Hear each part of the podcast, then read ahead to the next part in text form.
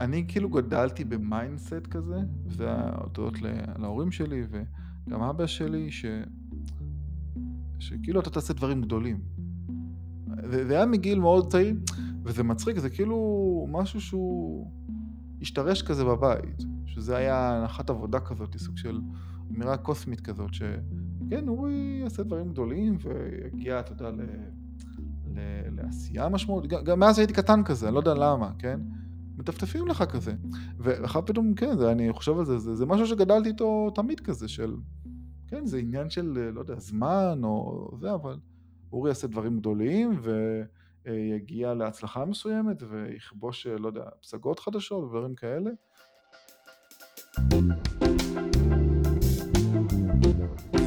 ברוכים הבאים לסיפור הצלחה, פרק מספר 14. אני אור לב כהן. המטרה של הפודקאסט היא לענות על שלוש שאלות. מה זו הצלחה? למה אנחנו רודפים אחריה? והאם בסוף היא עושה אותנו מאושרים כשאנחנו מצליחים? והיום יש לי את הכבוד לארח את אה, אורי אליאבייב. אה, אורי הקים ומנהל את קהילת ה-AI וה-Machine Learning הגדולה בארץ, שמונה כמעט 35 אלף חברים בפייסבוק, שזה מלא. Mm-hmm. והוא גם מייעץ לחברות בתחום ה-AI, ובאופן כללי אה, אחד המומחים הכי גדולים, אם לא ה, אה, לתחום הזה בארץ, התחום הזה כרגע רותח. אה, זהו, אז איש רב פעלים, מה המצב אורי? כיף שבאת. מה קורה? הכל טוב, תענוג להיות פה. אז בנית בשתי ידיים קהילה של עשרות אלפי אנשים, אתה מייעץ mm-hmm. לחברות, חלקם מהגדולות בארץ, ועכשיו גם בא איזה גל ענק של אה, צמיחה והייפ לתחום הזה שאתה כאילו אה, אה, עובד עליו כבר שנים. אז אתה mm-hmm. בתוך כל זה מרגיש בן אדם מצליח? וואו, איזו שאלה. אה, אני חושב שזה מתחלק לשני רבדים. יש את החלק, אתה יודע, שאתה רגע מתבונן החוצה אה, ומסתכל בצד בצורה הכי קרה על הדברים האלה. אתה אומר לעצמך, וואלה, כן, עשיתי פה משהו יפה. כאילו, הצלחתי לבנות משהו בעשר אצבעות, ועברתי כבר כברי הדרך. אבל כשאתה מסתכל על זה, אתה יודע, לפעמים ברמה האישית ביום יום, אז אתה תמיד מרגיש כזה שאתה לא עושה מספיק, שהיה אפשר לעשות עוד, אתה רואה אנשים אחרים שעושים דברים שאתה היית רוצה לעשות. אני חושב שזה משהו שמאפיין הרבה אנשים uh, ב-state of mind דומה, שיש פה את הדואליות הזאת, שמצד אחד על הנייר זה נראה שאתה עושה הרבה ואפילו מצליח, אבל לפעמים בתוך תוכך זה משהו שהוא קצת יותר מורכב, כי אתה תמיד אה, שופט את עצמך לחומרה. אז, אז בעצם יש פה, יש פה שני אה, עניינים. אחד זה העניין של הרגעים האלה שאתה עוצר ועושה זום אאוט ואומר וואלה, במבט, אה, אתה יודע, במבט אה, מלמעלה כזה, אה, עשיתי פה משהו ממש יפה, ממש מרשים, ואני מבסוט. Mm-hmm. אה, והחלק השני זה החלק של השוואה, כאילו למי אני משווה את עצמי. כי אם תשווה את עצמך ל, uh-huh. למישהו שרק אה, מתחיל ולא יודע מה... אה, עושים לו שתי לייקים לכל פוסט בפייסבוק, אז כאילו אתה אומר, וואו, בהשוואה אליו, אני כבר grand master כאילו זה, אבל אם אתה משווה את עצמך לקהילות אולי בחו"ל, שיש מאות אלפי, מיליוני חברים, אז כאילו, אה, זו פרספקטיבה אחרת. אני חושב שגם יש פה עוד אלמנט של השוואה שלך מול עצמך. כי בסוף יש איזה סוג של אה, רף שאתה מציב לעצמך, או ציפיות, או סוג כאילו יכולת כזו שאתה מול עצמך, שה... אתה מודע אליה למה שאתה מסוגל, ואתה אומר לעצמך, אני יודע שאני יכול יותר, אני יודע שהייתי יכול לעשות את זה יותר טוב, זאת אומרת, אתה יכול לקחת לזה כל מיני טייקים, אבל זאת אומרת, גם אם אף אחד אחר בעולם לא היה קיים, אז יש פה גם משהו שהוא פנימי יותר, שהוא אישי אפילו. אמ, וזה משהו שגם חשוב לתת עליו את הדעת, כי הרבה פעמים אנחנו כן מסתכלים החוצה על מה אנשים אחרים עושים, אבל הרבה פעמים זה גם איך אתה מתבונן החוצה ומשליך את זה על עצמך באופן אישי. אז כאילו אתה אומר, יש איזשהו drive כזה, ואני יודע כאילו למה אני מסוגל, ו... ובהשוואה לזה, כאילו גם הדברים אולי שקורים הם לא אידיאליים. כן, זאת אומרת, בסופו של דבר אתה תמיד מסתכל גם החוצה ואתה רואה מה אנשים, אבל יש איזה משהו שלפחות אני מרגיש כזה שקשה לי להסביר במילים לפעמים, אבל איזה drive כזה שהוא בלתי נגמר להמשיך, לעשות, ולהמשיך לחשוב על הדבר הבא, וזה משהו שהוא, וזה כאילו זה הפאנץ' כביכול, זה, הוא, הוא גם מאוד אישי, זאת אומרת הוא לא רק reflection של מה שקורה בחוץ ומה אנשים אחרים עושים, אלא drive מאוד פנימי. והדברים האלה היו קריטיים נגיד שרק התחלתי את הדרך שלי, שהקמתי רק את הקבוצה, או שהתחלתי את הייעוץ, אז literally הייתי nobody בתחום הזה, ולא הבנתי שום דבר בניהול קהילות, או בלעשות, להרים עסק של ייעוץ, ואם אין לך את ה passion הזה ואת ה drive הזה בעצמך, אז יהיה לך מאוד קשה לצלוח את השנים הראשונות, כי גם אין לך את מי להשוות, זה לא שהייתה קהילת AI דומה ואמרתי וואו אני רוצה להיות כמוהם שאני אהיה גדול, וגם אנשי ייעוץ, זאת אומרת יש לך יועצים כל מיני אבל לא היו יותר מדי אם בכלל אז אנשי, אה, אנשים שמייעצים ב-AI בדיוק בזווית ובכיוון שאני נותן, זאת אומרת הרבה פעמים צריך למצוא גם את המניע הפנימי שלך שהוא לא רק אה, רפלקציה של מה שקורה מבחוץ. אז, אז uh, תכף נדבר כזה על, על הקטע של המוטיבציה שהוא גם חלק ממש חשוב, uh, אבל לפני זה אז באמת אתה כאילו אתה עצמאי ואתה מייעץ ואתה עושה כל mm-hmm. מיני דברים mm-hmm. ואני כן. חושב שכזה זה מאוד uh, uh, מסקרן אנשים כאילו איך נראים חיים כאלה כאילו של בן אדם שכבר ביסס לעצמו את השם הרבה דברים באים אליו uh, ועדיין mm-hmm. אתה כאילו uh, uh, עובד קשה אבל איך, איך בעצם נראה היום שלך, או איך, איך אתה מבלה את הזמן? אז, אז מה שחשוב להבין זה שאף יום לא נראה דומה ליום הקודם שלו. כאילו ממש, אה, אני לא יודע אם זה משהו שאופייני לי, או התחום שאני מתעסק בו, או האופי של הדברים, אבל זה יכול להשתנות, זה יכול להיות יום אחד שנגיד אני אצא לקוח, ואני אעשה איתו סשן ממוקד, זה יכול להיות יום אחד שאני אמ, אצור תוכן נגיד לקהילה שלי, יום אחד שנפיק כנס, יום אחר, אה, אתה יודע, אה, נעלה לשיחת due diligence עם איזה קרן, אה, יום אחר אתארח בתוכנית ואתראיין, זאת אומרת, באמת הימים הם נראים מאוד שונים ומאוד מגוונים, כאשר מה שמחבר ביניהם, מה הנרטיב, זה מן הסתם התחום הזה של ה-AI, העשייה סביב העולמות האלה. וגם עצם העניין של העשייה לכשעצמה, זאת אומרת הרצון תמיד אה, להתקדם הלאה ולעשות עוד משהו, אז באמת הימים מאוד מאוד אה, נקרא לזה שונים, אני חושב עכשיו עם כל החידוש של ה-AI וכל ההתפוצצות, זה גם מצריך לך הרבה פעמים, וזה משהו שאני מתאמן עליו, אה, להגיד לא גם, זאת אומרת לבוא ולשים רגע הזדמנויות בצד, למרות שהן נראות מאוד קוסמות ומאוד קורצות, כי הרבה פעמים אני מרגיש כמו ילד בחנות ממתקים, כן? כאילו, תחשוב שההזדמנויות אולי הכי מעניינות בתחום של ה-AI איכשהו מגיעות לפתחי, מה שנקרא, והרבה אנשים שמקימים דברים, או מתייעצים, ופרויקטים, ולפעמים אתה צריך גם לדעת להגיד, רגע, לא, שאני לא יכול לקחת יותר עכשיו. Uh, וזה משהו שהוא גם, uh, אני מתחיל עכשיו uh, להתנסות בזה יותר. אבל לשאלתך, הימים מאוד מגוונים, מאוד שונים, ו... באמת, אין, אין כמעט יום שדומה ליום שקודם לו. ואוקיי, אבל, אבל כאילו מבחינת מה שעומד מאחורי ה, הימים המגוונים האלה, אז כאילו אני, mm-hmm. אה, הרבה אנשים, כולל אותי, מין בתחילת הדרך כזה, נורא נלחמים על כל דבר, וכזה, נכון. אה, הם רודפים אחרי ה... הרפיוטיישן או ההזדמנויות, או מחפשים כאילו בנרות את הדברים האלה. כן. וכזה נראה לי מסקרן לשמוע איך איך יוצא שיום אחד אתה עושה due diligence אה, עם איזה קרן ויום אחרי אתה מרצה, כאילו פשוט לא יודע מה, האימייל שלך מלא בבקשות, כאילו זה כזה, כן. איך, איך הדברים כאילו מגיעים אליך? אתה רוצה לדעת איך נראה היום שלי עכשיו, או איך הגעתי לנקודה הזאת? בוא, בוא נדבר קודם על איך זה נראה עכשיו, זאת אומרת, איך, ה, איך הדברים האלה כן, קורים. אז כן, עכשיו אז האימייל שלי, כן, אז עכשיו האימייל שלי מפוצץ בפניות. להרצאות, לפרויקטים, לשיתופי פעולה, אירועים משותפים, כאילו כן, אז אתה יודע, בצורה הכי קלישאתית. אני לא מספיק לפרוק את האימייל שלי. ואני מצטער על כל מי שלא הגבתי לו עד עכשיו. אמ, אז כן, אתה יודע, זה בצורה הכי פשוטה, אבל אני מניח שיש גם עוד הרבה אנשים שנמצאים במצב הזה. אמ, אז כן, אז בוא נגיד ככה, היום זה, זה המצב, הרבה הזדמנויות לדברים מעניינים, והרבה אמ, דברים ש... יכולים להיות הזדמנויות עסקיות מאוד טובות. אז כן, אז כאילו זה, זה בצורה הזאת, זה, זה, זה עונה פחות או יותר למה שרצית לשאול לגבי היום יום? Uh, כן, פחות או יותר, אני חושב גם שזה כאילו אולי יהיה מעניין באמת שתפרט איך הגעת למצב הזה, כי אני כאילו סתם ש... שהתכוננתי לפרק, אז נכנסתי לאתר שלך ויש לך בלוג, mm-hmm. והפוסט הראשון ממאי או אפריל 2016, כאילו, אתה יודע, זה מין כזה, היי, מה קורה? אני אורי, יש תחום כזה שנקרא AI, כאילו... אה, זה עוד יתפוס, כן. אז כזה, סתם, אם, אם אתה יכול לעשות איזה overview כאילו כן, על בשמחה. הדבר הזה, זה נראה לי ממש מגניב.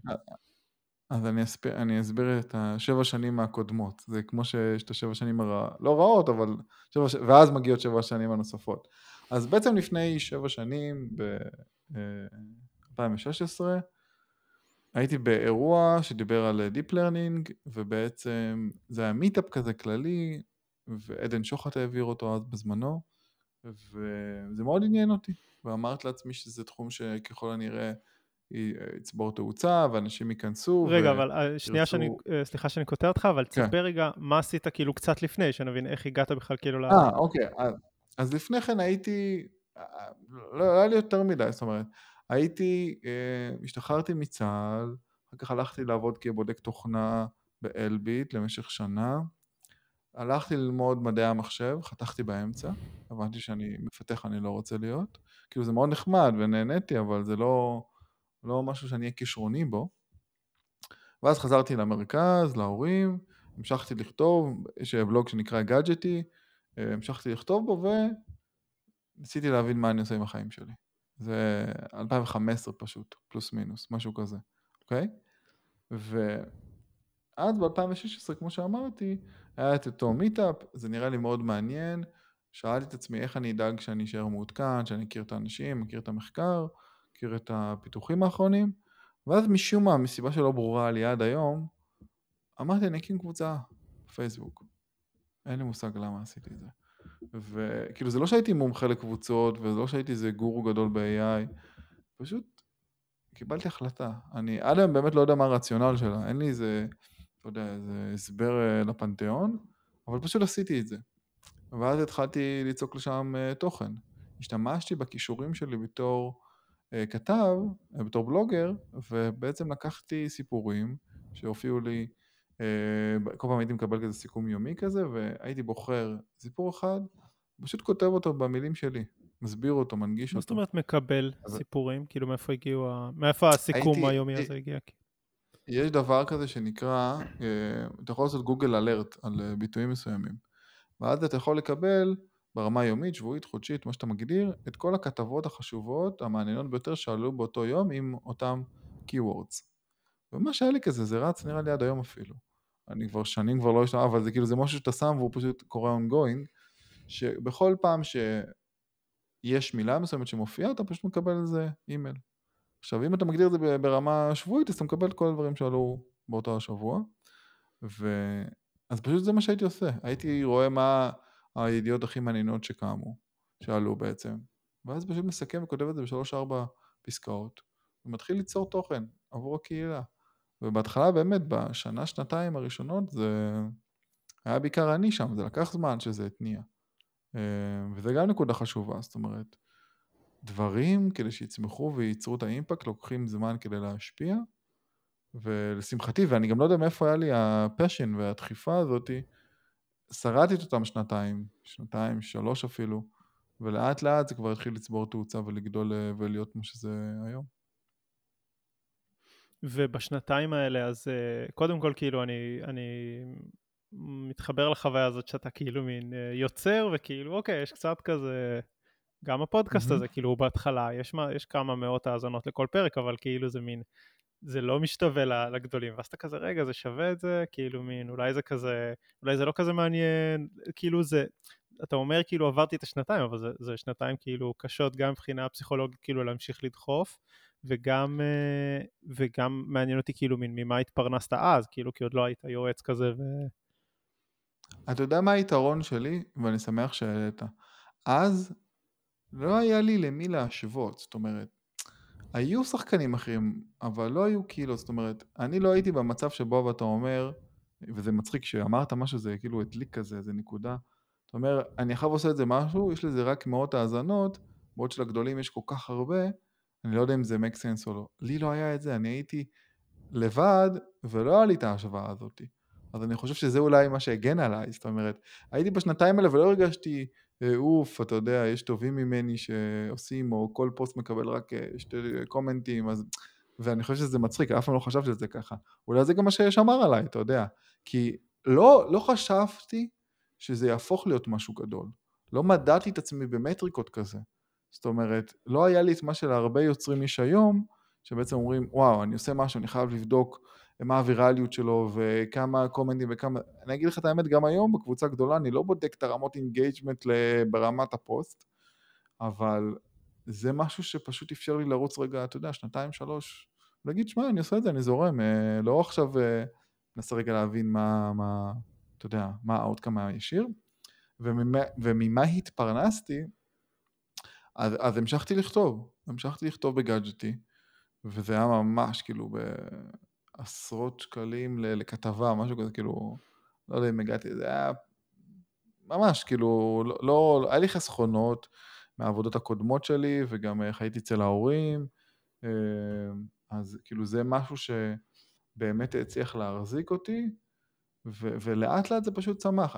גם הקטע פה שזה על ציר זמן, מה שקרה זה שלאחר שנתיים פחות או יותר, שהקהילה כבר צמחה, אז גם קיבלתי הצעת עבודה בסטארט-אפ אה, להיות product עם דגש על AI ו machine learning, אז זה גם משהו שקצת הביא לי עוד בוסט. אבל מה שקרה, הבאמת מעניין זה, אחרי שהסטארט-אפ שעבדתי בו אחרי איזה שמונה חודשים, היה לו צמצומים ונאלצתי לעזוב, וזו הייתה נקודה קריטית בציר הזמן, ואני חושב שגם היא מעניינת להתעכב עליה, כי מצד אחד, התחלתי לחפש משרה, שוב כשכיר, התראיינתי אפילו לטאבולה וסולוטו, ואמרתי, טוב, אני אמשיך בדרך הזאתי, ואז הגיעו כל מיני בקשות לפרויקטים, לייעוצים, שהם ראו שיש לי הבנה מאוד טובה ב-AI, והיה לי גם הבנה מאוד טובה ב product וב business. אני חושב שזה משהו שמאוד ייחודי לי, החיתוך הזה בין שתי העולמות, ו, ופתאום הגיעו עוד דברים כאלה, ומנגד, הקהילה כבר הייתה מספיק אה, עם בשר, כבר היו כמה אלפי אנשים. התחלתי לקחת חסויות, כאילו התחלתי להציע ולראות, ולאט לאט זה צמח, ואני חושב שזה גם עוד נקודה ייחודית עבורי. הרבה פעמים יוצרים, או אתה יודע, קונטנט קריאטור, או אפילו מנהלי קהילות, הם עושים את זה כשהם כבר מאוד מאוד נקרא לזה מצליחים, שהם נגיד איזה צ'מפיונים ואז מקימים משהו סביבם. או מנגד כזה יש להם נגיד עבודה, דיי ג'וב, דיי ג'וב, דיי ג'וב, ואז נקרא לזה הסייד האסל כזה הופך להיות מספיק גדול כדי שאומרים טוב אני עוזב, I quit in my day job ואני עושה את זה. ולי זה לא היה ככה, זאת אומרת מהנקודה אחרי שסיימתי בחברה ההיא, זה היה פשוט צמיחה כזאת, נקודה, עלייה כזאת מתונה בין שני הכובעים, וזה מה שעזר לי אחר כך להתפרנס. אתה יודע, עד למצב שזה היום כזה, אתה יודע, מפרנס אותי וגם היו תקופות שאשתי הייתה בחופשת לידה והייתי מפרנס היחיד, ו... אז כאילו זה הגיע עד למצב היום שאתה יכול להחזיק מזה, אתה יודע, בית שלם. מדהים. אה, כן. יפה, וואי, האמת שזה ממש מגניב לשמוע, כאילו כזה, אתה פוגש אנשים שהרבה מה, מהסיפורים הם פחות... אה, ברורים כזה, הם כאילו גם יותר קלאסיים, כאילו מין, אז היה, הייתי בתפקיד הזה, ואז קיבלתי קידום, ואז נהייתי סמנכ"ל, ואז נהייתי ככה, וכאילו... אז אצלי, אצלי לא ככה, כן. אז זה ממש אה, מגניב. אה, אז באמת כאילו נשמע שאתה עובד גם ממש קשה, כאילו אמרת קודם כאילו על, ה, על זה שכאילו אני יודע מה אני, שאני מסוגל לעשות משהו גדול, וכאילו הדרייב הזה להמשיך, וה, והשנתיים הקשות ששרדת כאילו אה, אה, mm-hmm. לפני שהקהילה התחילה לגדול, כאילו מין, יש לך איזה כוח כזה פנימי, ו- וממש כזה מעניין לדעת למה, למה אתה עושה את זה, כאילו, מה נותן לך כוח כל יום לקום ולהמשיך כאילו לדחוף? זו שאלה ממש טובה. אז א', אני אבוא ואגיד שאני לא יודע. כאילו, זה משהו שהוא, אני חושב שהוא hardwired, כאילו, בי. אין לי... אפילו היו תקופות שניסיתי רגע להילחם בזה, לעצור, כי הרגשתי שזה גובה ממני מחיר אישי גבוה מדי. אבל לא הצלחתי לה, להתמיד בזה יותר מאיזה שבוע כזה, לא לעשות כלום. אה, אז אין לי באמת, אה, אתה יודע, איזה הסבר מדויק, אני פשוט מרגיש שזה משהו שהוא, שהוא חלק ממני, הצורך להמשיך ולעשות. והחלק השני, אני חושב שזה מאוד קשור אה, לאימפקט ואת הדרך של... הרבה פעמים אני רואה את זה, נגיד אנשים שאומרים לי, תשמע, בזכות ה... נגיד קהילה שלך מצאתי עבודה, או בזכות ה... אנחנו מדברים אחריו, אתה יודע, על הרבה שילובים של האוכלוסיות שונות. פעם אחת מישהו בא ואמר, תקשיב, הולכים להיכנס לך לקבוצה שני פרופילים חדשים, אין להם תמונה, הם נפתחו אתמול, אין להם שום מידע, ואני כזה, תשמע, זה בטוח פייק, אני לא מכניס אותם. ואז הוא אמר לי, לא, זה שני חרדים שפתחו פייסבוק במיוחד לקחת חלק בקבוצה.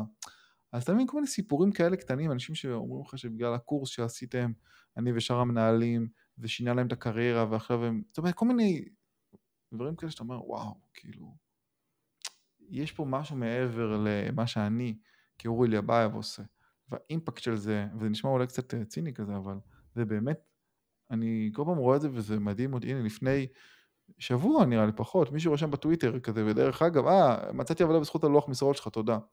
והוא עשה לי את היום, כאילו הייתי בעננים.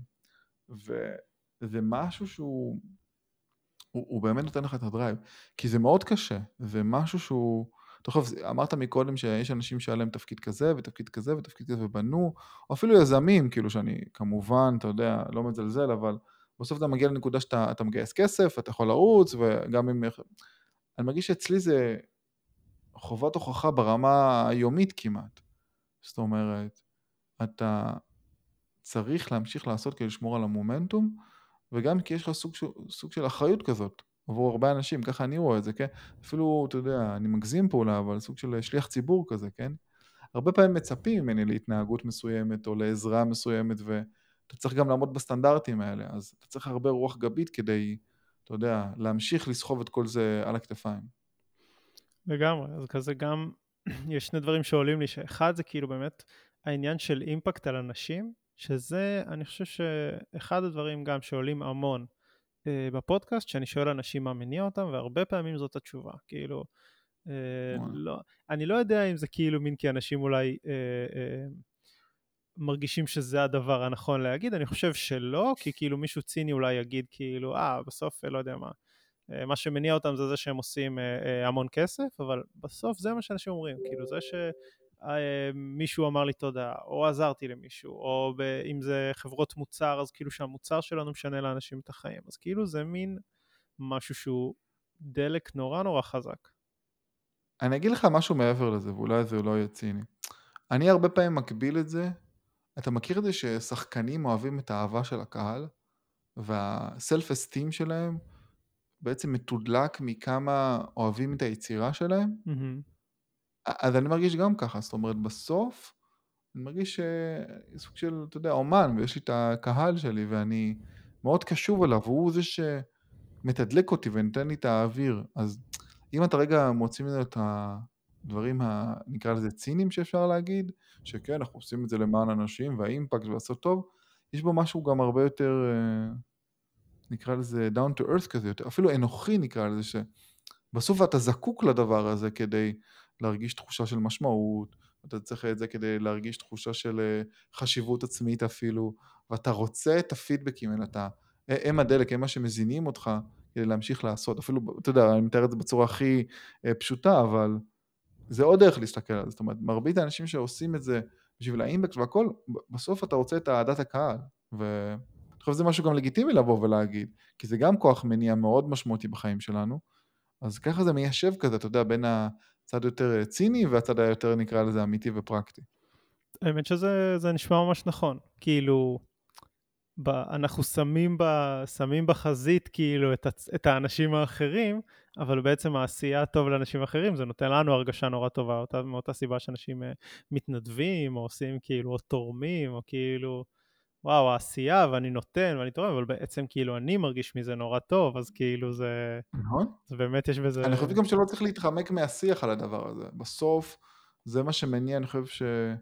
לא, עבור לא מעט יזמים. הרצון הזה גם להכרה ולאהבה ולתהודה, ואם אתה מצליח לנתב את זה לעשיית uh, טוב, נראה לי שזה זה ווין ווין כזה לכל האנושות, כן? אם אתה יש כזה hyper individuals שיכולים לקחת את ה passion שלהם וזקוקים לאהבת ההמון כדי, אתה יודע, אילון מאסק עם כל הטירוף שלו, הוא אולי הדוגמה המילונאית לזה, אבל הוא עושה דברים טובים, אתה יודע, רכבים חשמליים, אה, טילים לחלל, עישון מאדים וזה, כן, הוא נרקוטי של הדופמין של האנושות כולה, אבל אה, בחלק מהמקרים הוא מצליח לתאר את זה למקום טוב.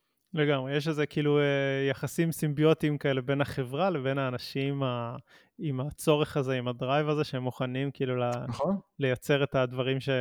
שנורא קשה לעשות אותם, כי הם צריכים את האהבה הזאת. כן, אתה צריך את, ה... את הנעילה הזאת בראש, אתה צריך את האבסולוטיות הזאת, ואם אין לך את זה, אז זה מאוד, כאילו, מאוד קל לוותר בהרבה שלבים מוקדם יותר. לגמרי.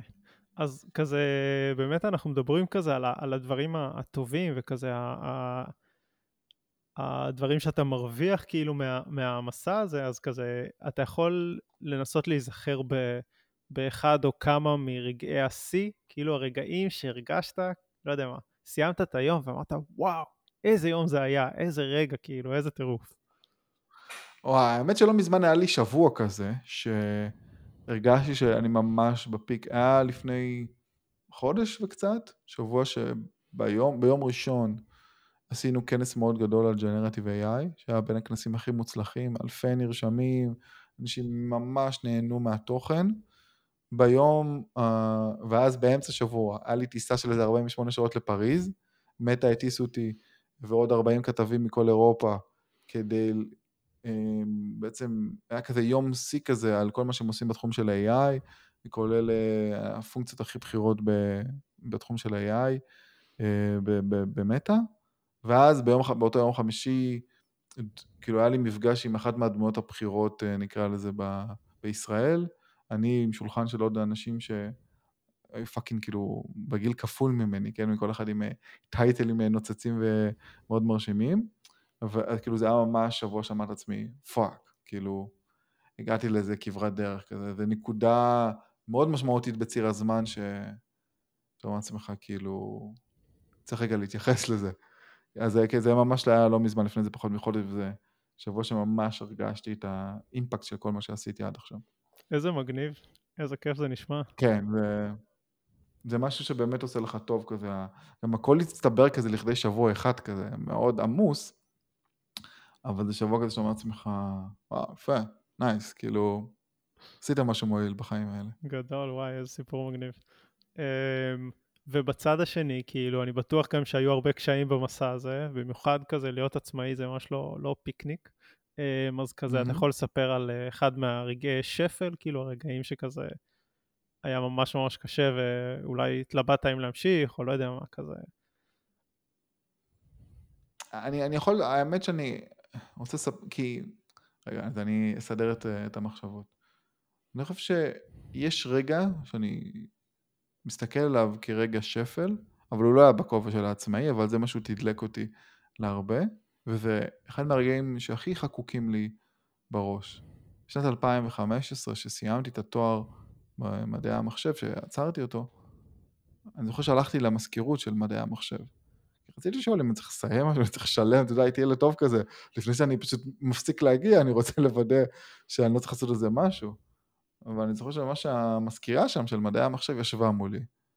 וכאילו, חצי, והיא שאלה אותי כזה, מה הלאה, אתה הולך לאיזה מכללה, או איזה, כאילו ניסתה חצי ללעוג לי, חצי כזה, כאילו הסאבטקסט היה שכאילו, הנה עוד אחד שפורש, שלא יצא ממך כלום, ואתה כבר לא מתאים לרמה פה, לך תעשה איזה משהו אחר.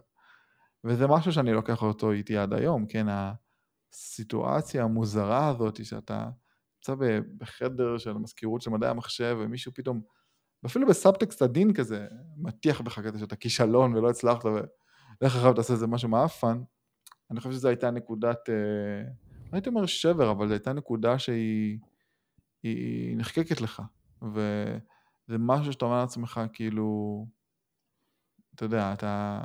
בהתחלה אז אתה לא מבין איך לפרש את זה, אבל היום זה סוג של, אחר כך אתה מבין בדיעבד שזה היה סוג של אה, גם מניע כזה, משהו ש... דוחף אותך לבוא ולהראות שהנה, בסוף כן הצלחת, אפרופו הצלחה. למרות שכאילו, אתה יודע, לפני פחות מעשור פרשתי מהלימודים ולא ידעתי מה אני הולך לעשות עם עצמי, כן? אמ, אז זה כאילו נקודה כזאת, ואני חושב שביום יום זה לא נקודת, אני לא חושב שהייתה לי איזה נקודת שבר ענקית שמשהו התרסק ולא זה, אני חושב שאולי זה שווה לדבר על זה, תגיד לי מה אתה רוצה, על, ה, על הקשיים שיש בשגרה. כן, בטח, השחקה, בטח. אז, אז זה משהו שגם הייתי שמח לדבר עליו, כי לא מדברים עליו אה, מספיק, זה שבסוף כל הדברים האלה גובים אה, מחיר. זה מאוד קשה להישאר בקצבים האלה ולהישאר ברמת העשייה הזאת, זה גובה מחיר נפשי, אני חושב שזה משהו שהוא כנראה משותף להרבה יזמים, זה תמיד להיות בסטרס, אה, לא לתת למוח אף פעם לנוח, תמיד בהייפר חשיבה כזאת, ותמיד בכל סיטואציה אתה פתאום מוצא את עצמך נודד למחשבות, למרות שאתה רגע, אתה יודע, אפילו לפעמים נמצא פה עם המשפחה, חברים, אתה פתאום מתעורר כזה ומבין שהרגע לא היית איתם כי חשבת על איזה משהו על איזה עסקה שאתה צריך לעשות, איזה כנס שאתה מארגן, איזה רעיון שנתת. אמ, אז זה הדברים האלה.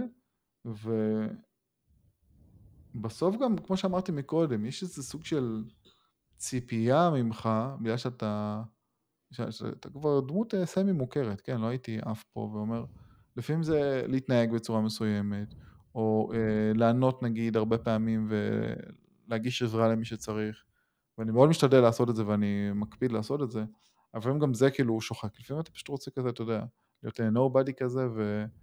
אה, לא יודע, סתם ליהנות כזה, ו... ו... כי, כי תמיד הרבה אנשים מבקשים את האטנשן שלך.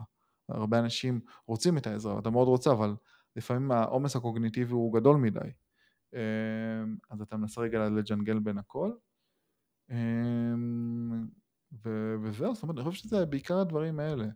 זה, זה משהו שהוא הוא מאוד קשה לנפש.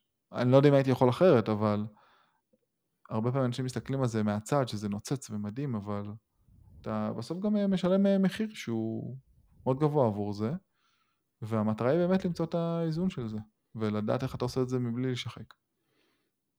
כן, לגמרי, זה, זה כזה, תכף נחזור לסיפור עם האי מהמזכירות, שזה גם מעניין, אה, אבל כן. כזה, אתה אומר כאילו, אתה כל הזמן כזה בלחץ, ו- ו- וכל הזמן חושב ועסוק וזה, וכאילו, בכוונה אני מנסה כאילו לבוא ולהיות ה... ה- טוקבקיסט כאילו, כן, ה devil's advocate, כאילו להגיד, תשמע, אתה כבר זהו, ה inbox שלך מפוצץ, אתה מוכר, אתה זה, מטה מטיסים אותך לחו"ל, מה אתה לחוץ, הכל טוב, כאילו, זהו, you made it.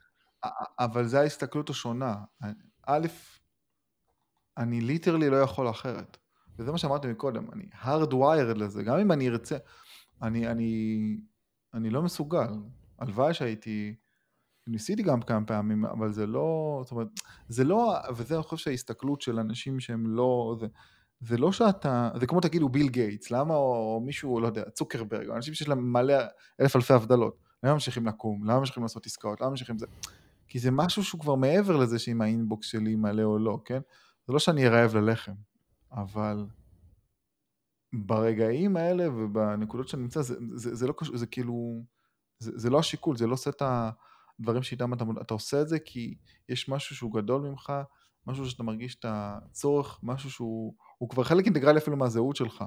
זאת אומרת, זה לא כזה אוי לא שהאינבוקס שלי יהיה ריק, וגם אם אנחנו מסתכלים על זה בצורה יותר קונקרטית, בסוף אתה צריך לשמור על מומנטום. זאת אומרת, אם אתה עכשיו, אם אני לא אעשה כלום עכשיו, אז סבבה, אז כנראה, לא יודע, זה יוכל להחזיק מים עוד שנה, שנתיים, אתה יודע. אבל אין דבר כזה באמת לא לעשות כלום. כאילו, אתה בסוף צריך לשמר, לשמור על cadence כזה מסוים, ולהיות בתודעה ולהמשיך לעשות, גם אם אתה איזה מגה סטאר כזה, והאם אתה דמות מוכרת. עדיין זה משהו שהוא, הוא לא, אתה יודע, הוא לא מתקיים בעצמו. אה, וזה גם דרך אגב, האתגרים בתור יוצר תוכן או דמות שהיא מוכרת, זה לא חברה שאתה יכול אפילו להביא מנכ"ל אחר וזהו, פה זה אני. לטוב ולרע, ואז אתה לא יכול להוריד את הרגל מהגז, כי בסוף כל הדבר הזה בנוי על הכתפיים שלך. אז זה גם נדבך שאתה מוסיף לזה שאתה מסתכל על התמונה הכללית. כן. אמ, ו- ולגבי הרגע הזה שסיפרת עליו, כאילו שפרשת מהתואר, אז כזה, קודם כל זה מדהים כאילו לראות איך משהו שמישהו אומר לנו כזה, אפילו בהיסח הדעת כאילו נשאר איתנו, וכזה, סתם, זה גורם לחשוב על האימפקט שיש לנו, כאילו, לאנשים אחרים, שאתה לפעמים יכול לזרוק למישהו מילה וכאילו זה יישאר איתו לכל החיים, בין אם זה משהו נכון. טוב או רע. אה, וגם אני חושב שזה כזה מין, אה, באופן כללי, עדיף לנו להיות יותר uh, מחושבים במילים, נכון. למרות שזה קשה. וגם כזה, הקטע הזה של הדמות ה... הדמות הסמכותית שאומרת לך כאילו נכשלת או זה, כאילו זה, אתה יודע, יש כל מיני אה, ראפרים כאלה, שהם כאילו, השיר הזה מוקדש למורה שלי מכיתה ב', שכאילו לא האמינה בי, תראי לאן הגעתי, וכאילו, זה כאילו נורא מצחיק. כאילו, מה אכפת לך ממנה? כן, זה הכי קלישאתי, אבל זה...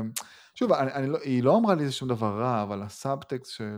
אני חושב שזה גם סיכם איזה תהליך ארוך שעברתי בשנתיים, זה היה כאילו קפסולת זמן שסיכמה את כל מה שזה, ו... חייב להגיד לך שכל יום קמתי בבוקר וחשבתי על זה ואמרתי איך אני מוכיח לא, כן? לא, אבל זה, זה לא נשאר משהו איתך, שהוא- כאילו, זה כזה... כן, מין, אבל זה אה, משהו שנשאר כזה, אתה אומר לעצמך, כאילו, מדי פעם, פעם בכמה חודשים אני נזכר בזה, אתה אומר לעצמך, כאילו, כן, אבל תחשוב כמה שיחות. היו לך, כאילו, ב... ב... לא יודע מה, ב-20 שנה האחרונות, ואת זאתי אתה ברור, זוכר. בטח, ואת זאת אתה זוכר, כן. אה, אוקיי. אני מסכים איתך, נכון. אז כזה, גם כזה די- דיברנו כזה קצת על, אה, על כזה דברים שנשארים איתנו, וגם כזה אמרת כמה פעמים, כאילו זה מין ממש hardwired בך, כאילו הדרייב הזה. כן. אז אני רוצה כאילו קצת אה, אה, לחזור אחורה בהיסטוריה, אז אתה יכול לספר קצת איזה מין ילד היית? אה, וואו. זה שאלה, לא התכוננתי עליה. הייתי ילד טוב כזה, הייתי ילד... אה, אה, אה, אני תמיד צוחק שלא היה לי מרד גיל ההתבגרות כזה. לא, הייתי כזה, תמיד סבבה, כזה ילד טוב, אה, טוב בלימודים, אה, מאוד ורבלי. תמיד היו באים לאספות הורים ואמרו לי ש... כאילו, היו אומרים להורים שלי, אורי ילד טוב, אבל הוא פטפטן. זה הפטפטן. הנה, you made a career out of it, מה שנקרא. כן, זהו, זהו, עכשיו אני שמח שאני יכול להתפרנס מזה. צריך להגיד למורה שכאילו... שוב, כולם אהבו אותי, זה היה בקטע טוב, לא בקטע רע, אבל כזה... הוא תלמיד טוב, אבל הוא פטפטן, ואני כזה, כן. That's what I do for living today, thank you. אה, אבל אז גם כאילו היה לך איזה drive כזה, לא יודע מה היית לומד עד אמצע הלילה, כאילו מין כזה, באיזה שלב אתה יכול להצביע ולהגיד וואלה, פה אני מזהה את זה בעצמי. אה, וואו, זו שאלה טובה. אני לא חושב שהייתי ילד... אה, אז אני אחדד. כשהייתי ילד כן הייתי בתוכניות למצטיינים, הייתי בעמותה שנקראת חינוך לפסגות, אה, זאת אומרת, די מהר אני חושב ש... אתה יודע, לא רגע נעוף פה על עצמי, אבל... יודע, אתה ילד כזה טוב, טוב בלימודים, מחונן, כל הדברים כאלה.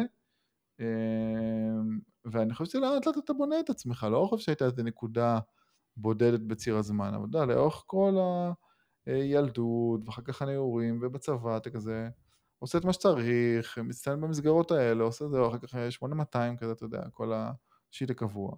אה, אז, אז אני חושב שהייתי ילד כזה, אתה יודע, ילד טוב, סקרן, אה, שאוהב ללמוד, אוהב לקרוא, זהו פחות או יותר. אבל אוקיי, אז סבבה, אבל באיזה שלב כאילו די מוקדם... או שתכוון אותי למה אתה כאילו... לא, אני כזה. אני, אני מנסה לחבר את הנקודות, כאילו ב- ילדים טובים יש הרבה וילדים מחוננים יש הרבה, אבל אה, כאלה שבסוף אה, אה, בוער בהם הדבר הזה, כאילו שאמרת, הלכתי להיות כתב, כאילו זה כל מיני דברים לא טריוויאליים, כאילו מה אנשים הולכים, עושים נכון. אחרי הצבא, עובדים בתחנות דלק וטסים להודו, כאילו, אז לא יודע, כאילו מין, אני אומר לעצמי, מה... מה, איפה אתה יכול לזהות כאילו את ה drive הזה, לא סתם שאתה מוכשר ו- וחכם וזה בסדר, כאילו הכל טוב, אבל הדבר, התכונה הספציפית הזאת כאילו, היא מאוד טבועה בך, אז כזה, האם זה משהו שאתה יכול להגיד, באיזשהו רגע זה נדלק. אני, אני אגיד לך מה, אז אולי אני אתן איזה... אני כאילו גדלתי ב mindset כזה, וזה הודות להורים שלי וגם אבא שלי, ש... שכאילו אתה תעשה דברים גדולים. זה, זה היה מגיל מאוד צעיר, וזה מצחיק, זה כאילו משהו שהוא השתרש כזה בבית, שזה היה הנחת עבודה כזאת, סוג של אמירה קוסמית כזאת, שכן, אורי יעשה דברים גדולים ויגיע, אתה יודע, ל... ל- לעשייה משמעותית, גם, גם מאז הייתי קטן כזה, אני לא יודע למה, כן? ו... וזה משהו שכאילו, זה מצחיק, היה לי שיחות על זה עם אשתי, אם זה דבר טוב או רע לעשות לילד. אמ, וזה משהו שכאילו, מטפטפים לך כזה. כאילו, יש את הנקודה שאתה רואים כזה שטוב, שלילד יש שכל, כן, הוא סבבה, יש עם מה לעבוד, ואז סוג של הנחת עבודה כזאת של, כן. ואחר פתאום, כן, זה, אני חושב על זה, זה, זה משהו שגדלתי איתו תמיד כזה, של, כן, זה עניין של, לא יודע, זמן או זה, אבל אורי יעשה דברים גדולים, ויגיע להצלחה מסוימת, ויכבוש, לא יודע, פסגות חדשות ודברים כאלה. אז, אז יכול להיות שזה, האמת שזה קשור לזה גם, אני מניח. זה חיבור מאוד אה, נחמד. זה פשוט היה state of mind כזה בבית, לא יודע איך להסביר את זה. וואלה. ו- והנה חייתי כדי, כן, זה, אני אגיד לך למה, ופה אני רגע אתן, אה, פתח משהו ברמה יותר אישית. אבא שלי שהיה אה, צעיר, הוא עבד ביהלומים. זה משהו שהרבה אנשים שעשו בשכונה שלי ועם העדה שלי, עשו את זה המון, לא מעט. ואחד הדמויות שגם הרבה אנשים מכירים היום, זה אה, לב לבייב. מהמם. אחד היהלומנים המוכרים, ואבא שלי עבד אצלו, היה פועל, ו... ותמיד לב לבייב אה, הצטייר בתור דמות אה, מאוד אה, מכובדת, כזו שהצליחה מאפס, והצליחה להגיע לגדולה ולעשות, אה, לבנות את עצמה בעשר אצבעות. אה, ו- ותמיד זה היה כזה סוג של, כמו מגדל אור כזה, כן? אתה יום אחד תגיע וגם תהיה כמוהו, ותצליח, ותצליח לבנות את עצמך גם, ו- ו- וכאילו, זה הדברים שביחד, אתה יודע, שזרו כזה את ה mindset של, כן, אתה תעשה דברים גדולים ומוצלחים, ותעשה דברים אה, כמוהו, ואתה יודע, אבא שלי הרבה פעמים סיפר עליו, על דברים שהוא עשה, ופעם אחת אבא שלי טס איתו לצ'יטה, שזה כאילו, יש לך את סיביר, אז זה חור תחת שליד סיביר, כאילו, בקטע כזה. ו... מי שאלה בסיביר מסתלבטים עליו. כן, בדיוק, זה, כן. ו... ו... אז זה גם משהו שהיה מאוד נוכח כזה, שהיה סוג של idol כזה, שנתפס בעיני רבים כאיזה מישהו, אתה יודע, מאותו שכונה, מאותו אזור שגדל וצמח ועשה דברים אה, מאוד יפים. אה, ואז כזה השלכה כזה, של כאילו, יש לך את היכולת גם, כאילו, ואת הכישורים, ויום אחד תגיע גם לעשות דבר כזה. זאת אומרת, זה משהו שהוא היה פשוט, אני לא יודע איך להסביר את זה. זה היה פשוט ה mindset בבית, זה היה כאילו, ה, ה, לא יודע, כמו שיש לבתים כאלה, אה, דברים שקשורים בחינוך, לא יודע, נגיד שממחזרים, או אתה יודע, כאילו, דירקטיבות כאלה, או דברים ש... זה היה ערך, דבר... אה, ערך מרכזי.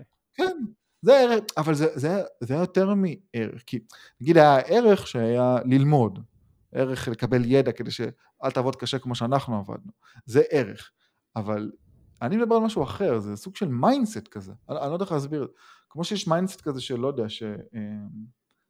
אה, לא יודע, אני קשה לי להסביר, אני, אין לי דוגמאות טובות אה, דומות, אבל אתה חושב שזה סוג של אקסיומה כזאת שמוכרת לכל בני הבית, שיודעים אותה ו- ומתייחסים על זה כזה דבר שהוא הכי מובן מאליו, ולא אה, יודע, נגיד סתם, אולי במקומות אחרים, שמתחתנים ומביאים ילדים, כן? זה לא ערך, אולי ערך המשפחה, אבל משהו כזה שברור ומובן לכולם, או שיש פה מישהו שנגיד הוא מאוד אומנותי, אז הוא יהיה אומן, או אני מנסה למצוא דוגמאות טובות, אבל אין לי. לא, אבל... זה דוגמאות טובות, זה, זה, זה בסדר, זה כאילו מין פשוט משהו שהוא... זה כמו mindset כזה ש...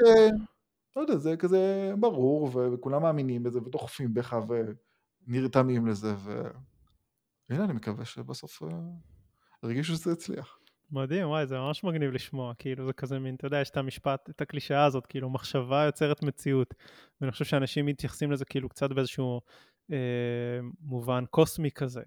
אני אחשוב על אה, אה פרארי, בסוף יהיה לי פרארי, אבל זה לא ככה, זה כאילו הרבה יותר פרקטי.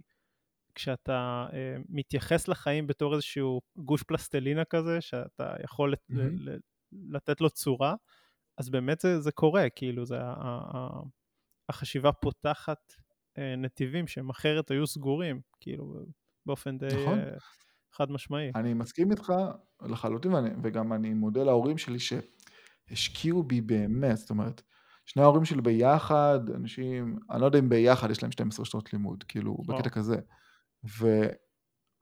והשקיעו בי ופתחו לי הזדמנויות ו... ומשהו שבסוף אתה רואה את הניצנים, את הדברים שהם שמו בך אז, אפילו אתה יודע, היכולות הוורבליות, או היכולת, אה, אני, אני חושב שבין היתר הדברים שהכי גרמו לי להיות אדם מצליח, אם נקרא לזה ככה, זה ההבנה החברתית העמוקה שלי לקשרים בין אנשים.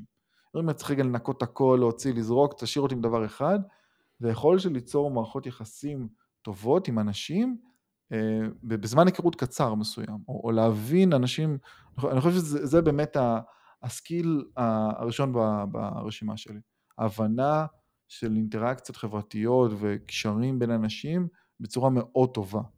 וזה משהו שגם קיבלתי מההורים שלי ומאבא שלי, וההבנה של סיטואציות חברתיות ואיך להתנהג ומה בעצם אנשים מחפשים ומה הם רוצים ואיך אתה יכול לעזור, אז כל הדברים האלה בסוף, כאילו, חשוב לי גם להדגיש את הרבה אנשים אומרים, אה, במיוחד אחר בשיח שיש במדינה, שאתה מגיע ממשפחה כזאת מיוחסת ומשרישים וזה, בסוף יש הרבה דברים שהם אה, מטה כזה, שאתה יכול להקנות לילדים שלך בחינוך וב state of mind, שזה לא קשור למי שלמדת ומה שעשית ו... ואתה יודע, כאילו, אם יש לך איזה תפקיד נוצץ או איזה תואר פרופסורה, ואני אגיד לך שזה אלו הדברים שבסוף יש להם קשר מובהק מאוד למי שאני היום ולהצלחה שלי. אז כאילו זה גם מסר חשוב שלי לתת הלאה, אמ, כי זה הדברים שגם יכולים לעצב אותך ולגרום לך להיות אה, אדם אה, מוצלח. וואו, מדהים. שמח ש... שפתחנו גם את, ה... את הצד הזה בך. אמ, מגניב. Mm-hmm. טוב, אז כאילו, אמ, אני בדרך כלל לא, לא מתייחס לדברים האלה, אבל כן חשוב לי לדבר על זה, שאומנם הצלחת גם לפני כן, אבל מאוד קשה להתעלם מהעניין התקופתי. נכון. ואני קצת קונטקסט למי שמאזין בעתיד. אז אנחנו בקיץ 2023, ויש סוג של בעלה לזהב הזה שנקרא Generative AI, ו-AI באופן כללי, ואנחנו בתקופה יחסית קשה בשוק, חברות כאילו מתקשות לגייס כסף וריבית גבוהה ודברים כאלה, והחברות שעוסקות בתחום הזה שאתה המומחה הגדול שלו, מקבלות השקעות ענקיות ותשומת לב, וכאילו הדבר הזה פתאום הפך לאיזה בן לילה לאיזה שוס. אז כזה, בתור מישהו שהיה שם לפני שזה היה מגניב, אז איך אתה מרגיש עם כל מה שקורה? זה כאילו מחזק אותך, או שזה כאילו מין פתאום אתה אחד מהרבה? כאילו מה, איך זה מרגיש להיות בעין הסערה? אז זה נקודה מצוינת. אז קודם כל אני כבר מתעסק בתחום הזה שבע שנים, זאת אומרת עוד הרבה לפני שכל ההייפ הזה התחיל, ואני כאילו מדמה את זה, תחשוב שאתה יושב אצלך בבית, ועובד עובד, ופתאום מתחילים כולם לדפוק לך על החלונות, הדלתות, על הגג, פתאום כולם כזה נזכרים או יודעים שיש דבר כזה AI, אתה אומר לעצמך, מה, איפה הייתם, כאילו, אתה יודע, אתה בכוך שלך כזה כותב, עושה, ופתאום כולם דופקים על הדלתות שלך בצורה מוגזמת. אז המהפכה הזאת, מה שקרה אחרי ש-ChatGPT יצא בנובמבר של שנה קודמת, בעצם יצרה אצלי גם impact מאוד מאוד גדול בכל אחד מהערוצים שלי, גם בקהילה שמן הסתם גדלה עוד יותר והיו, יש לך הרבה יותר דיונים ואתה רואה שה engagement עולה, גם בהרצאות שהגיעו לך יותר בקשות להרצאות והרבה אנשים רוצים ללמוד ולהכיר, וגם בדברים שהם קשורים לייעוץ, הרבה חברות מבינות שהם צריכות עכשיו להשתמש בזה וצריכות בכלל לבנות אסטרטגיית AI. אז בהקשר הזה זה, זה היה, היה טוב וזה הגדיל את הנפח העבודה. אם רגע נתכתב עם מה שאמרנו בתחילת השיחה, עדיין זה מרגיש שזה לא מספיק ושהשוק גדל בפי אלפי מונים ואצלי זה לא גדל באותו סדר גודל ושאני צריך לעשות עוד ואתה יודע כל הידע ידע הזה. אבל, וזה משהו שגם אמרתי לחבר לפני כמה ימים, זה חייב אותי לעשות משהו שלא עשיתי עד כה, וזה לחשוב על הבידול שלי. וזה משהו שלא נדרשתי אליו, כי אתה יודע, הייתי השחקן היחיד הגדול, אבל פתאום אנשים מקימים קהילות AI, אה, כמו פטריות אחרי הגשם. ואז בתוך כל זה גם אתה שואל את עצמך, רגע, מה הערך המוסף שלי? מה הדבר שאני מביא? אם פתאום כל אחד הוא מפתח או יועץ AI, אז איך אני דואג לבידול שלי? וזה שאלות קריטיות ומהותיות שהן משפיעות על השבע שנים הבאות שלי. כי אתה לא יכול לשבת במגדל השן, וזה משהו שאני נאבק בו מאוד, כן? שהאם, שה, כמו שאמרת, שהאינבוקס שלך מלא, מאוד קל אה, לבוא ולהגיד, אה, לא, זה ממני והלאה, אבל אני נלחם בעצמי כדי לא להישאב לקונספציה הזאת, ואני עכשיו כאילו כביכול פותח את כל ההנחות שהיו לי לגבי העסק שלי, מי שאני, מה שאני, רגע מאמת אותן מחדש ומקבל החלטות חדשות. זו נקודה מאוד קריטית עכשיו שאני בדיוק נמצא בה. מעניין, וואי, בוא נראה מה, מה יהיה עוד שבע שנים. אה, למי שמקשיב, כן, כן, ב-2030, מי שמקשיב, אז תחפשו את אורי, תראו מה קרה. אה, סבבה, אז אה, טוב, אנחנו כזה לקראת הסוף, אז שתי שאלות אחרונות. מתי בחיים היית הכי מאושר? הכי מאושר? אני חושב שזה הכי קלישאה, אבל זה ברגעים עם הילדים שלי. כאילו, נשמע, אז אני אפריד את זה, כן? בצורה הכי פשוטה, ברגעים עם הילדים, עם, ה, עם המשפחה, אתה יודע, הדברים שבסוף הילד שלך אומר לך איזה משהו ואתה כולך נמוג וכזה... היום בבוקר הילד שלי העיר אותי באיזה חמש לפנות בוקר, רצה שנשחק, ואני כזה כולי הפוך. ושיחקתי אותו והייתי איתו, והוא אומר לי, אבא, אני אוהב אותך. וילד בן ארבע, כן? וכאילו, זה דברים ששום דבר לא מנצח את זה. וברמה המקצועית, אז, אז בשבוע ההוא שהזכרתי, כאילו, אני חושב שממש, שהייתי בפריז, ופתאום תפס את עצמי, הבנתי, אמרתי, אמרתי לחברים שם, אמרתי, אני מרגיש כמו ילד בדיסני וורד כזה, אתה יודע. כאילו, הנושאים שהכי מעניינים אותי, האנשים הכי חזקים וזה, אז זה גם משהו ש... וגם פיק מקצועי כזה מטורף, אז גם בהקשר הזה זה משהו שהרגשתי ממש שמח בו. אז זה הדואליות הזאת בין הדברים המשפחתיים, היומיומיים, לבין, אתה יודע, פיקים כאלה בפן המקצועי. נשמע מדהים. אה, כאילו מעניין לך, בסוף כאילו עם כל הטררה וקריירה וככה ו-AI וזה כאילו מן הדבר הכי פשוט כן. כאילו של ה... הילדים כאילו נוגע. תשמע, זה, זה, זה גם העוגן שלי, ככה אני מסתכל על זה. אני כאילו משתדל, זה כמעט קורה כל יום, אה, לשים את הילדים בגן בשמונה, ואחר כך אה, בארבע להוציא אותם וזהו. להיות איתם כאילו עד, ה, כאילו עד הערב עם המקלחות ועם כל מה שמשתמע, זה באמת העוגן שלי, זאת אומרת זה. קודם כל זה, טוב, לפעמים יש הרצאה או זה, או, יודע, עושים את ההתאמות, אבל זה הנחת הבסיס. להיות עם המשפחה, להיות איתם אחרי הגן, לשים אותם בבוקר, כל השאר זה, זה, זה תפאורה. וככה אני באמת מסתכל על זה. האני האמיתי שלי זה אני עם המשפחה. כשאני אחר כך יוצא החוצה, אני שם רגע את המסכה של האורי האחר, ומה שהוא צריך לעשות ואיך שהוא צריך להתנהג, אבל הבסיס, שורש הוא, וזה שוב, סליחה על הקלישאה, זה באמת המשפחה. כי הדברים האלה שאני עושה היום הם ברי חלוף. אני באמת מסתכל על זה, זה משהו שעוד עשר שנים לא יהיה, לא, אבל בסוף המשפחה זה הדבר שבאמת יהיה איתך. וזה משהו שאני גם מנסה, אתה יודע, לתת את כולו. מדהים, מעניין, כאילו, טוב, אני, אני מקווה ואני מרגיש שכאילו היום קצת uh, קיבלנו את אורי שמאחורי המסכה וכזה. כן, זה הרבה דברים שלא אמרתי בשום מקום אחר, זה... כי אתה יודע, בדרך כלל אני מדבר על AI ולא על הצדדים האלה, אבל אני שמח גם לשתף את זה. Uh, לגמרי, וזה מזכיר לי כאילו ספר שאני בדיוק קורא של בחור שנקרא דרק סיברס, והוא כזה מין קצת אה, פילוסוף כזה, ואני נורא אוהב mm-hmm. את מה שהוא כותב, ואחד הדברים שהוא אומר, זה uh, The public you is not you. כאילו במיוחד נכון, לאנשים לא. כמוך שהם כאילו נורא פומביים ונורא כאילו עסוקים בלהוציא החוצה, אז בסוף כאילו אם מישהו רואה אה, פוסט שלך וכותב וואי איזה שטויות, אורי הזה לא מבין מהחיים שלו וזה כאילו, זה לא באמת עליך, כאילו לא מכיר אותך, ולכן כאילו זה כן. כאילו זורק חצים על איזה, על איזה ציור כאילו, זה לא באמת אתה. אה, והחלק המעניין והלא טריוויאלי בתובנה הזאת זה שזה גם אותו דבר על מחמאות.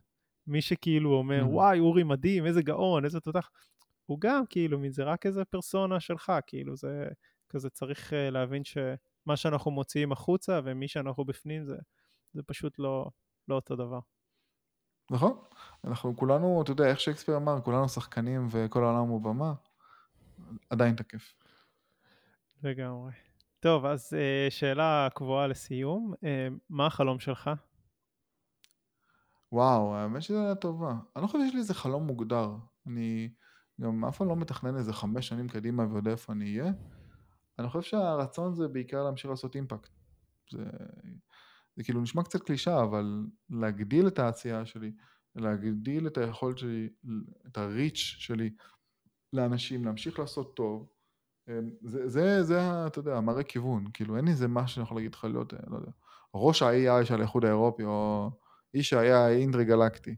אין לי באמת דברים כאלה, אבל פשוט להמשיך, להמשיך באותו קצב ובעשייה שלי, אה, להגיע, אתה יודע, יכול להגדיל את הקהילה ואת העשייה שלהם, לבנות אה, חברת אה, ייעוץ כזאת, כמו שאמרתי בזה הקודם עם אור, מקינזי של ה-AI כזה, אולי לקחת הקהילה לחו"ל, זאת אומרת, יש דברים על הנייר שאתה יודע, אני, אם תגיד לי אני יכול לתת לך, אבל בסוף הדירקטיבה זה להמשיך פשוט ולעשות. אמרתי את זה גם אצל אור, שאני מסתכל על העולם כמו משחק של אה, סולמות ונחשים. אתה מכיר את המשחק? Mm-hmm. ובסוף המטרה, אני מסתכל על עצמי כאילו אני על סולם, וכל המטרה שלי זה פשוט לעלות עוד שלב. אני לא רואה איפה הסולם מגיע, אני לא רואה איפה הפסגה, אני לא רואה מה יש בקצה, וגם הפסגה כל הזמן זזה כזה, כי הסול, הסולם זז. אתה לא יודע לאן תגיע, אבל אתה יודע שאתה מתקדם, שאתה מתכוון לכיוון טוב. אז אם עוד עשור זה, לא יודע, להיות אה, קרן ה-AI הכי גדולה בעולם, או להיות כזה לא דירקטור של חברות ה-AI הכי, או לא יודע, Head of Media, MIT Media Lab בתחום, ה... אני לא יודע, אבל זה גם לא מעסיק אותי, כאילו זה לא משנה לי. אני פשוט צריך להתקדם, תמיד לדאוג עוד שלב לעלות בסולם. סטו. תעשה את זה, כנראה תגיע, אז אם הפסגה הזאתי או הפסגה הזאתי, זה לא כזה משנה. מגניב. האמת שזו אנלוגיה טובה, גם כי בסולמות ונחשים אתה יכול ללכת במשבצות הרגילות, או שפתאום אתה נוחת על סולם, טאק, אתה טס למעלה. אה, נכון. והחיים הם, הם באמת כאלה. אז אצלי זה הסולם זה 30 ל-11, צ'אט GPT. זה ליזרלי, זה אחד מהסולמות הכי רציניים ש, שהיו, שממש הקפיץ אותי, כן, אבל אתה מחפש עוד סולמות כאלה, או גם, וזה נקודה קריטית, ואני גם אשמח רגע להכניס את זה רגע לפני שאנחנו מסיימים, אתה גם צריך לדעת איך אתה מגיע לסולם. זה לא שתגיע לכל סולם, על הבבלה, זהו, פשוט תיקח, לא. זה תלוי איך אתה מגיע, ועם איזה ציוד, ועם איזה נעלי טיפוס, וכמה ידיים שלך עייפות, ועד כמה יש לך כוח להרים את עצמך, זאת אומרת, אפשר להמשיך בסופרלטיבים האלה, אבל אתה מבין, גם להגיע לסולמות בחיים, וזה רגע, זה פאנץ' יפהפה, צריך לדעת איך להגיע אליהם, ולהגיע לכל סולם שאתה עשית בתוך עצמך את עבודת ההכנה, כי אחרת אתה תפספס. לא כל סולם ייקח אותך, או לא ייקח אותך תמיד, אתה יכול לעצר בשורות הרבה יותר נמוכות, וזה גם מסר חשוב. זאת אומרת, על אף שיש אירועים כאלה שהם לא בשליטתך, ועל אף שזה, אתה צריך גם הרבה עשייה פנימית ולהגיע מוכן לדברים האלה, כדי שתוכל לעשות את הלאברג' הזה ולהגיע, לה, אתה יודע, כמעט למאה כזה, כן, בסוף המשחק. מדהים, וואי, אז אני מקווה שתמשיך uh, ל... לפגוש את הסולמות הנכונים ולטפס עליהם, ולכל אה, המאזינים גם, שימו לב, תתכוננו לסולמות, וכשאתם רואים אחד, תתפסו אותו. Uh, זהו, סיימנו, אורי, היה, היה סופר מעניין, כאילו, ממש ממש כיף. תודה. אז תודה שבאת, תודה גם ששיתפת ובאמת הבאת דברים כאילו קצת אה, לא, לא הסטנדרטים. אה, וזהו, תודה שהאזנתם, מוזמנים לשתף עם חברים אם זה, אתם חושבים שהם ייהנו. אה, וזהו, נתראה בפרק הבא של סיפור הצלחה. יאללה ביי. תודה רבה, ביי ביי.